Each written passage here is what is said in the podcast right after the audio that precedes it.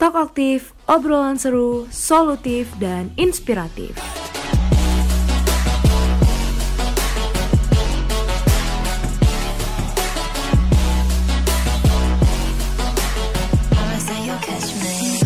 Welcome back di Talk Aktif X iCast. Assalamualaikum warahmatullahi wabarakatuh. Selamat pagi, selamat siang, selamat sore, dan selamat malam, sobat pencari cuan.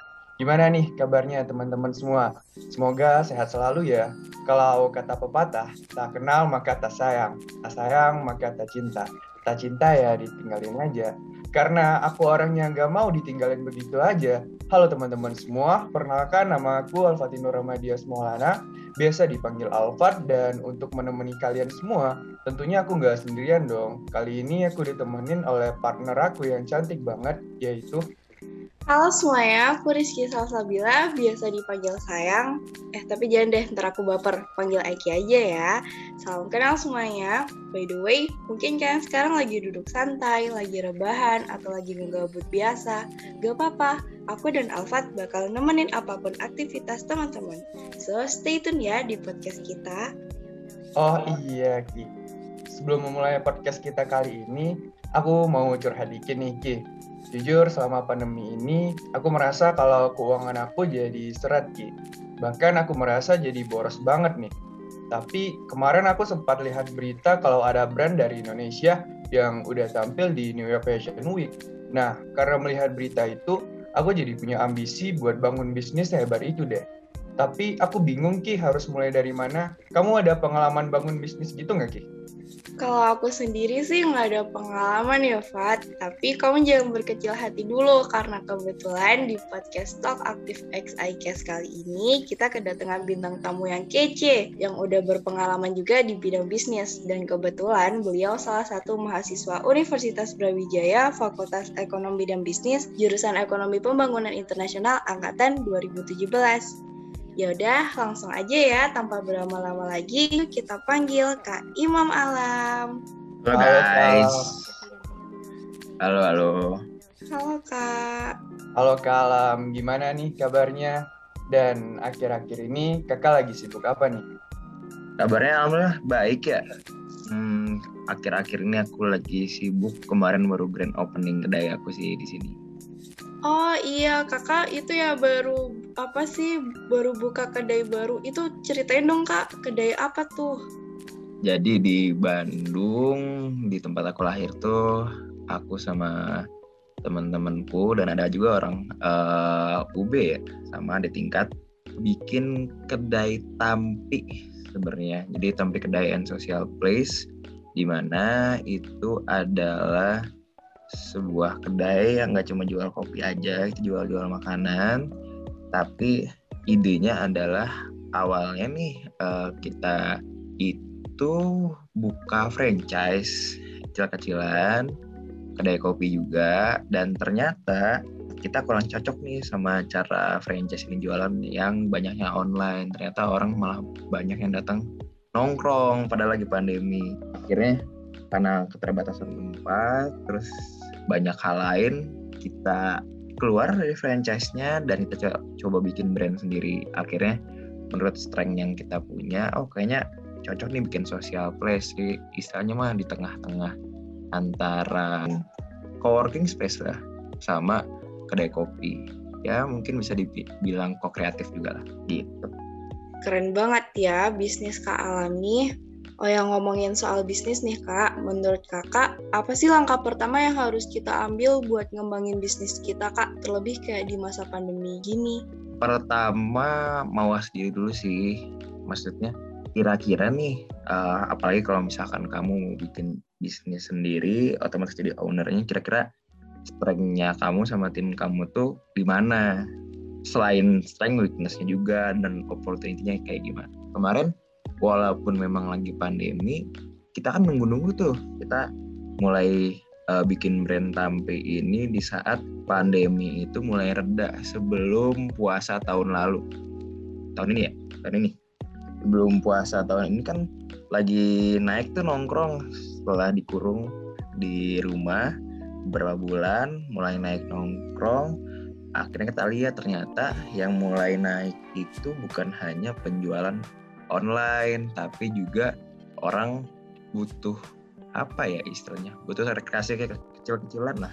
Dan itu ya di mana lagi? Yang murah yang sekalian bisa ketemu orang banyak dan temen-temennya ya di kedai kopi contohnya kan. Nah kita lihat hal itu dan itu juga punya yang tadi aku sampaikan ya di, di awal kita punya ini relasi-relasi yang dia itu butuh tempat. Dan oleh karena itu kita coba bikin brand dan kita pakai itu kemarin link startup sama unique value proposition proposition. Nah dari unique unique uh, value proposition itu kita bisa tahu kira-kira kita mau cari pembeda apa nih sama kedai-kedai yang lain. Karena kedai kopi kan udah proposition ya sekarang. Akhirnya kita nemu uh, beberapa hal. Kayak misalkan oh kita jangan cuma bikin tempat nongkrong aja tapi tempatnya butuh fasilitas misalkan meeting room butuh tempat yang cukup besar untuk ada event ada sharing-sharing juga harus ada tahapan yang kayak mentor ada men member juga. Itu tuh jadi awal sih menurut aku ya untuk melihat pandemi sekarang ataupun kondisi secara luas dan cara kita membangun si brand kita lihat dulu diri kita, tim kita, dan juga kondisi yang sekarang butuhnya apa sih, gitu. Oke, keren banget jawaban dari Kak Alam. Berarti kita harus mawas diri dulu, terus lihat keadaan juga ya Kak ya. Yes. Nah, dari tadi aku lihat penjelasan dari Kak Alam udah lengkap banget nih tentang perencanaan bisnisnya. Namun dalam menjalankan bisnis nih kak, pasti nggak terlepas dong dari yang namanya masalah. Baik itu masalah eksternal maupun internal. Nah, selama kakak dan teman-teman ngejalani tampi.id ini, bagaimana sih cara kakak untuk mengatasi berbagai permasalahan tersebut? Kita itu suka ngobrol dan suka ngobrolin hal-hal yang bahkan sebenarnya nggak usah diobrolin sih. Jadi uh, terutama untuk masalah internal ya. Kadang tuh company-company itu suka menunda ataupun nutupin problem lah. Atau bahkan orang bilang biasanya aib ya. Wah ada masalah ini nih tutupin segala macam. Padahal kalau misalnya diobrolin diangkat masalahnya dicari solusinya bareng-bareng selesai gitu. Terutama untuk tingkatan manajerial ya. Nah untuk uh, lihat masalah eksternal pun aku yakin sih kalau misalnya internal udah cukup kuat masalah eksternal juga bisa teratasi lah karena kalau misalkan emang dari kita udah cukup kuat kita bisa cari tahu kan keluar oh kira-kira caranya orang apalagi yang uh, lebih berexperience ya untuk menyelesaikan masalah kayak gini gimana. Apalagi untuk masalah kayak sekarang pandemi ya. Pandemi ya mau siapa pun pasti kesulitan lah. Pun aku uh, beberapa kali juga kan di ya mungkin seminar ataupun podcast tentang bisnis dan ditanya tuh uh, gimana sih caranya supaya bisnis tetap berjalan selama pandemi? Pasti jawabannya itu itu lagi. Jadi balik lagi ke si timnya mau kuat kayak gimana inovasinya beda kayak gimana. Kalau misalkan emang dalamnya sudah kuat aku yakin sih sudah cukup bisa ya nyari inovasi supaya bisa beda dari yang lain.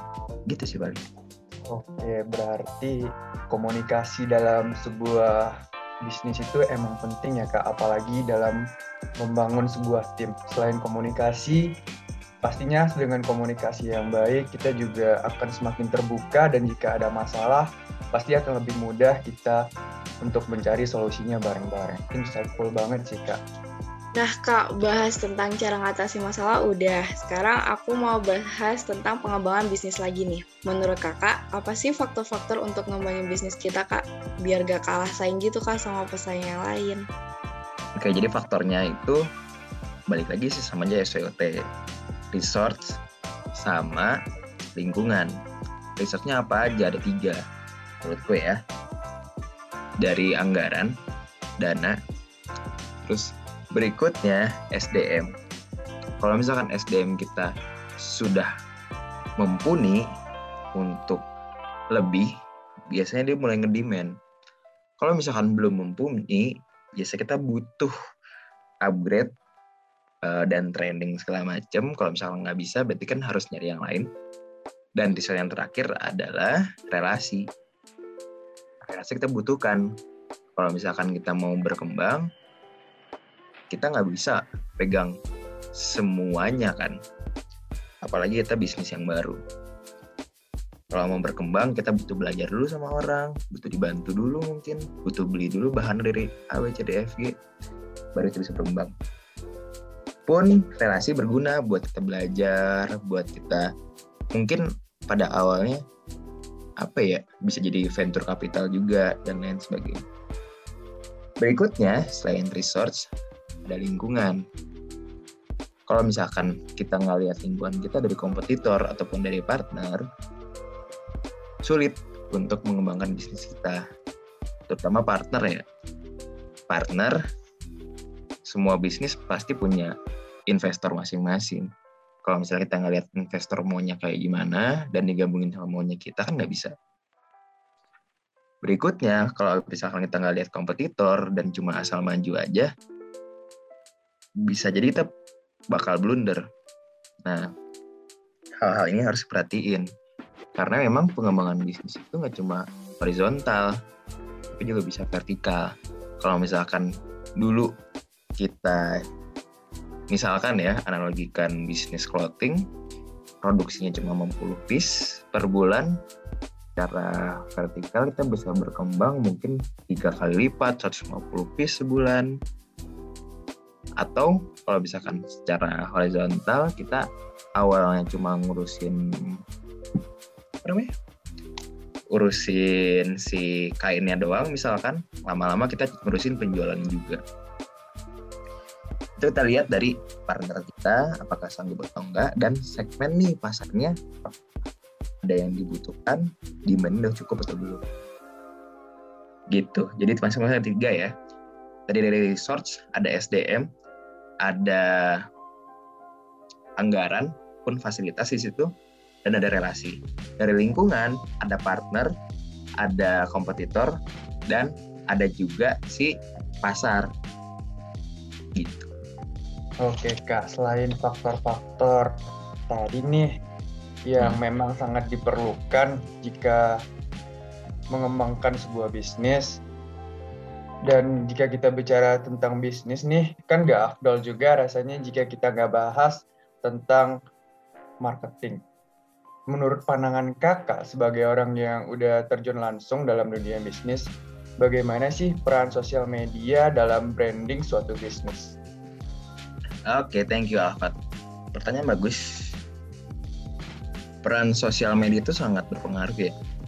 Bahkan ada juga bisnis yang sengaja nggak pakai sosial media dan itu pun berpengaruh. Kadang-kadang itu kita nggak paham bahwa apa yang kita lihat itu nggak kekinian itu sesuai segmennya. Contoh, hmm, kita nggak pernah kan jarang ya lihat warung itu ada sosmednya. Tapi menurutku warung nggak apa-apa nggak ada sosmed karena segmennya tidak bersosmed juga mungkin. Jadi selain memang tadi membangun dari ya BCDF yang tadi aku jelasin membangun hal itu membangun planning tadi adalah berdasarkan segmen sih.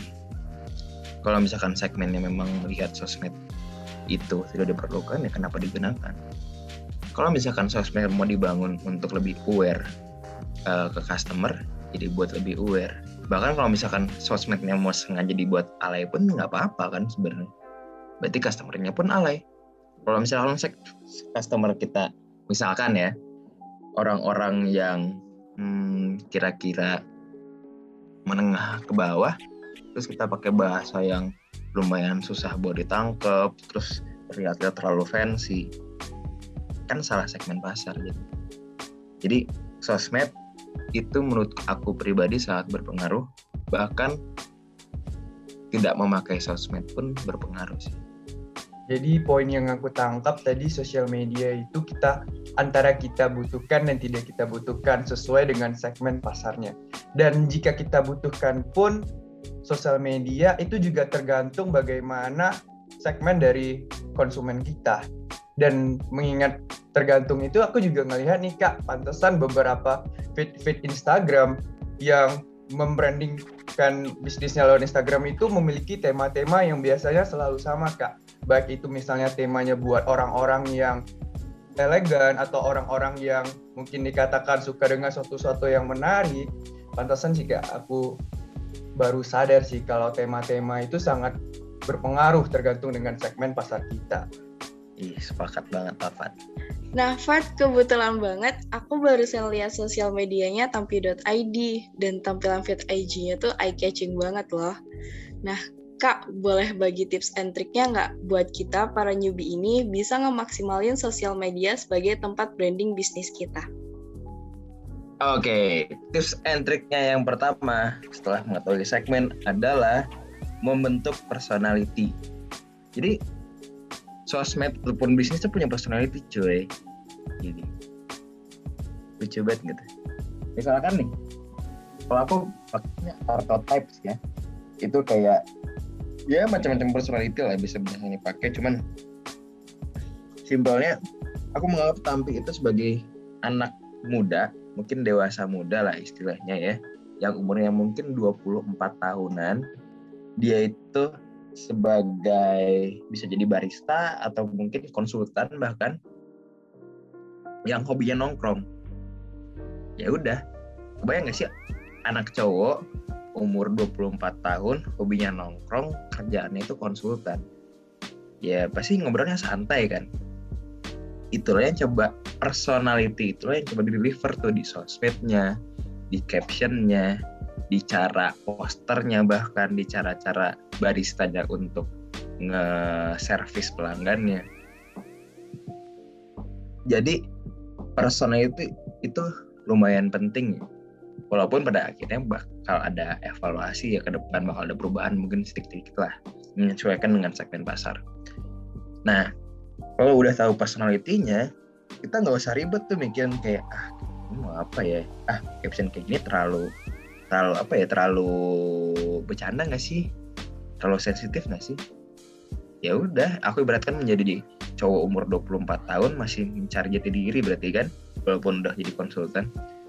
Bahasanya bahasa tongkrongan aja. Simpelnya kayak gitu.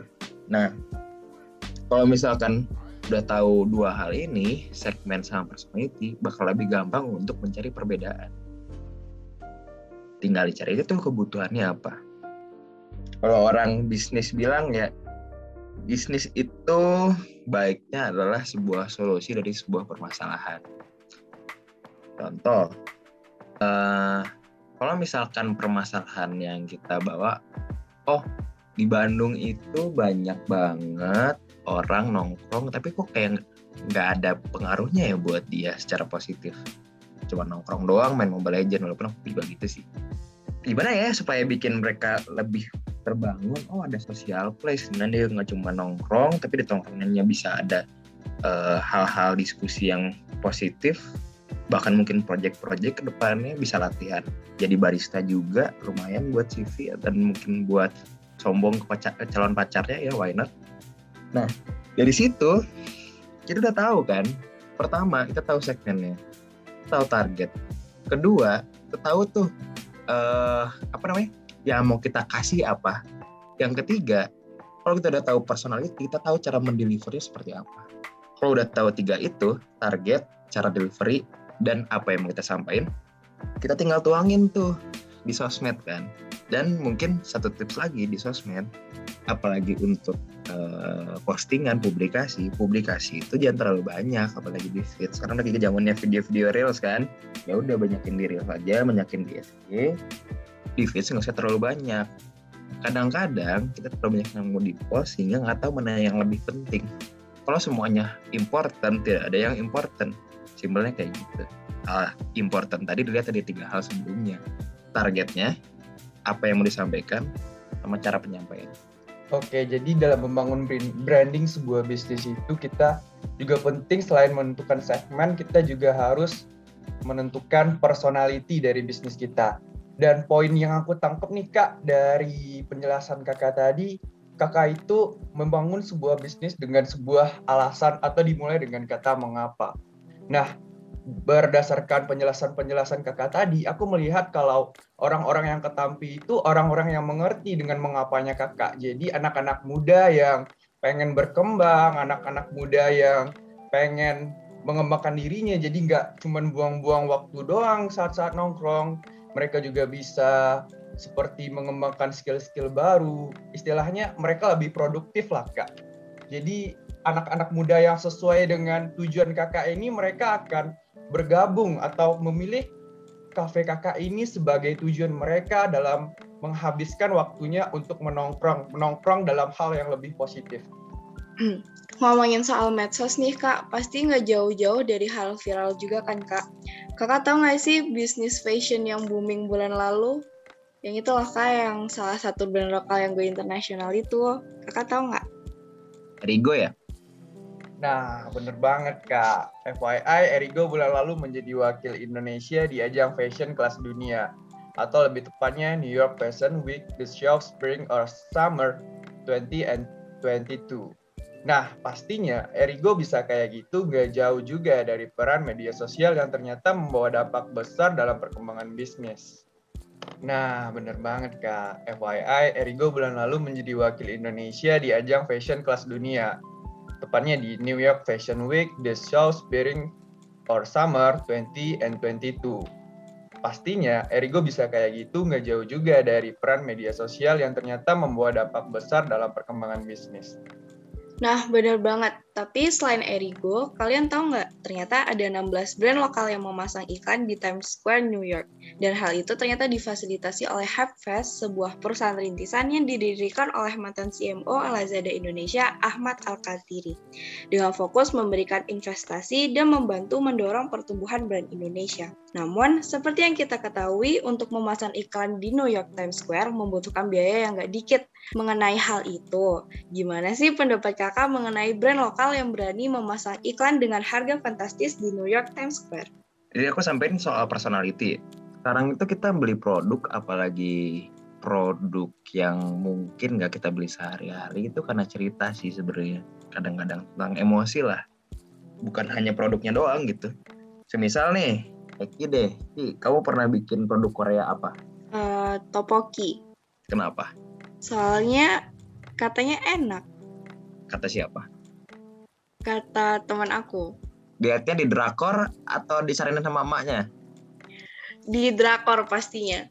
Nah, tapi ada ceritanya jadinya kan? Atau enggak Alfat deh, Alfat suka main Mobile Legends nggak, Fat? Sempat suka sih, Kak. Bahkan dulu suka banget, malah. Oke. Pernah tahu gak sih teman-teman yang beli diamond itu kan buat beli skin doang? Padahal cuma template doang kan nggak ada ngaruh sama sekali. Kenapa kayak gitu? Kalau aku sih kak beli-beli skin gitu lebih ke pamernya sih kak. Kalau wah biasanya orang-orang lebih takut gitu kak kalau kita pakai skin apalagi skinnya epic legend gitu kak pasti kayak orang-orang itu atau musuh-musuh kita wah ini sultan nih atau wah ini pro player nih gitu kak. Oke. Jadi minimal kalaupun nggak pro player sultan lah ya. Ada lah cerita gitu. Ini si Eki juga main Mobile Legends ternyata. Ini cewek-cewek idaman bro-bro sekalian ya. Sobat Talkatif kalau dengerin tolong ya langsung dilihat IG-nya Eki siapa Eki? Atau nanti di akhir aja lah. Hmm. Jadi itu kan kita kebanyakan beli itu karena emosional.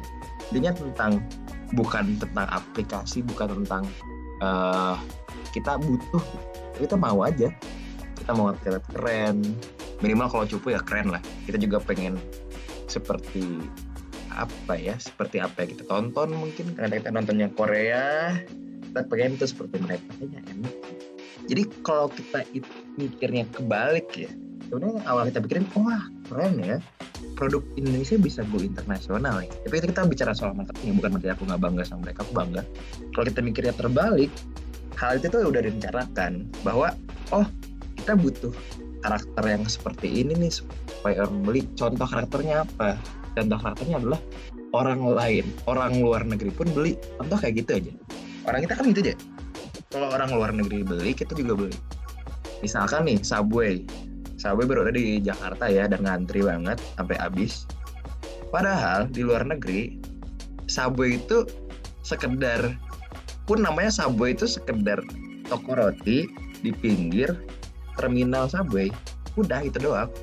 Awalnya kayak gitu tapi karena emang orang luar negeri suka kita pun pengen ikutan rasain kan. Kurang lebih kayak gitulah. Jadi kalau misalnya kita mikirnya terbalik hal itu pun udah direncanakan secara marketing. Dan ada hitung-hitungannya aku lupa namanya apa ya. Kalau nggak salah uh, rasio cost marketing ke penghasilan produk goalsnya berapa. Pasti ada hitung-hitungan risk manajemennya lah. Jadi kalau menurutku aku bangga ya sama produk yang ke sampai go internasional. Tapi kebanyakan produk yang sekarang itu memang sengaja dibuat seperti itu. Bahkan walaupun pasarnya bukan untuk yang di luar tapi buat orang Indonesia sendiri. Karena apa? Karena kita beli barang itu kebanyakan tentang emosi bukan tentang kebutuhan. Itu yang pertama. Walaupun memang di luar mereka mereka ini yang uh, inginnya branding inginnya karakter yang seperti itu adapun perusahaan-perusahaan yang memang sengaja berjualan keluar. Dan ada juga yang berhasil sih. Menurutku hal itu sah-sah aja ya. Cuman kenapa aku sampaikan kayak tadi supaya kita lebih sadar diri aja. Karena harga yang sekian kita bisa beli dengan harga yang mungkin lebih murah tapi fungsionalnya sama aja. Gitu sih paling. Orang membeli karena emosi mengingat kata-kata itu, aku juga keinget nih Kak, karya Simon Sinek dalam bukunya yang berjudul Start With Way. Kalau otak limbik itu lebih mempengaruhi seseorang dalam membeli suatu barang daripada otak neokorteksnya. Jadi orang-orang lebih cenderung membeli suatu barang itu sesuai dengan emosionalnya. Nah, berkaitan dengan itu aku juga keinget nih tentang suatu produk yang paling laku di pasaran saat ini, yaitu Apple banyak orang membeli Apple itu karena emosi, karena Apple itu cenderung kepada orang-orang yang produktif. Even orang Indonesia menganggap Apple buat gaya-gayaan doang. Padahal kalau di luar negeri Apple cenderung kepada emosi orang yang produktif. Dan terakhir nih kak, sebagai seorang yang udah mulai punya ambisi kak dalam membangun bisnis, apa sih kak saran-saran kakak terhadap teman-teman yang ingin mulai membangun bisnisnya? Mulai dulu aja menurutku ya. Jangan terlalu banyak alasan sih karena mau kita kerja dulu atau mau bisnis dulu sama-sama ada tantangannya gimana kita aja mau usahanya dan doanya kayak gimana. Jadi saranku sih mulai dulu aja. Yang pasti mulai dulu aja bukan berarti kosongan ya. Silakan cari pengalaman sharing-sharing. Silakan juga dibentuk nih dipersiapkan bisnisnya brandnya mau seperti apa misalkan mau seserius apa pakai uh, apa namanya? Pakai legal atau enggak jadiin sebuah perusahaan atau tidak terus juga mau ngambil namanya untuk merek atau enggak. Karena hal itu harus dipertimbangkan di awal. Karena setiap hal tadi butuh kos juga. Butuh bikin PWP lah butuh bikin uh, izin untuk HKI lah dan lain sebagainya. Itu terlalu ribet ya. Tapi sebenarnya simpel aja. Kita mulai dulu aja. Bahkan juga teman-teman yang mungkin belum kerja belum cobain dunia kerja kayak gimana membuka bisnis dari sekarang nggak masalah sebenarnya. Yang penting serius dulu aja. Resource ke depan itu bisa dicari nantinya. Kalaupun sekarang belum ada uangnya modalnya masih sedikit segala macam ya udahlah. Bahkan seorang Khairul Tanjung aja mulai dari anak singkong gitu. Kalau misalkan kita nggak mulai dari sekarang ya mau gimana? Yang paling penting gini aja. Orang suka lupa bahwa pentingnya branding di sosmed itu nggak cuman branding si perusahaannya. Kita sering dong lihat perusahaan oh yang punya si ini nih. Oh si itu tuh. Dia baik kok orang dia bisa diajak ngobrol nih di kedainya hal-hal kayak gitu yang kita lupa bahwa pada akhirnya yang berpengaruh itu bukan hanya si perusahaan teman-teman tapi juga teman-teman juga. Gimana caranya teman-teman bisa membawa branding teman-teman ke perusahaan teman-teman atau bahkan membawa branding perusahaan teman-teman ke teman-teman. Itu dua hal yang berbeda tapi harus sama-sama dikembangkan. Karena pada akhirnya semua hal yang kita jual itu nomor satu yang harus dijaga hospitality bro bro semua. Kita menjual apa sih? Clothing. Kalau kita dari misalkan ya chat awal udah males bikin jut eh bikin bete gitu kan orang udah males beli. F&B hospitality servisnya udah nggak jelas orang udah males beli. Kita nggak males balik lagi ke situ. Apalagi oh bisnis yang di uh, produksi awal kayak nggak butuh deh hospitality hospital hospitality. Butuh. Misalkan kita jadi di awal lah. Ibaratkan nggak jadi petani distributor aja. Susah cuy sekarang nyari yang mau beli-beli bahan baru apalagi bahan dari awal gitu. Kalau kita nggak banyak baik ke orang mau kayak gimana? Pun kalau misalkan kita hospitality-nya misalkan slow rest sehari baru jawab ya susah juga kan. Itu sih paling saranku jadi tidak hanya si perusahaannya dipikirin tapi kita juga dipikirin mulai dulu aja jangan takut kalau misalnya kita udah berkembang pasti perusahaannya bakal berkembang Nah, jadi teman-teman yang ingin mulai dalam membangun bisnisnya, sesuai kata Mas Alam, mulai aja dulu. Kita tidak perlu takut terhadap risiko-risiko yang hanya dalam pikiran kita, selagi kita menyiapkan bisnis kita, artinya kita nggak kosong-kosong banget nih dalam memulai bisnis. Dan kita juga perlu nih dalam meningkatkan kemampuan diri kita sesuai dengan berkembangnya bisnis kita. Wah, nggak kerasa nih Ki. Kita udah berada di penghujung podcast Tak Aktif X iCast episode 5 season 4 nih. Ya, padahal aku masih pengen ngobrol sama Kak Alam. Tapi nggak deh, takut ntar ada yang marah. Ya udah, ntar ngobrolnya sama aku aja Ki waktu sleep call. Sebelum kita tutup, baiknya kita sapa para pendengar setia kita dulu Ki. Makasih banyak ya buat para pendengar, buat teman-teman semua yang udah luangin waktunya buat dengerin podcast Talk Aktif X iCast kali ini. Sebelum penutupan, gimana kalau kita tutup dengan jargon andalan dari teman-teman iCast? Yuk, gas, Pat! Oke, Ki. iCast, Info Business Podcast. Aku, Alfat, dan teman aku, Eki pamit undur diri dulu ya. See you on another episode. Bye-bye. Bye-bye. bye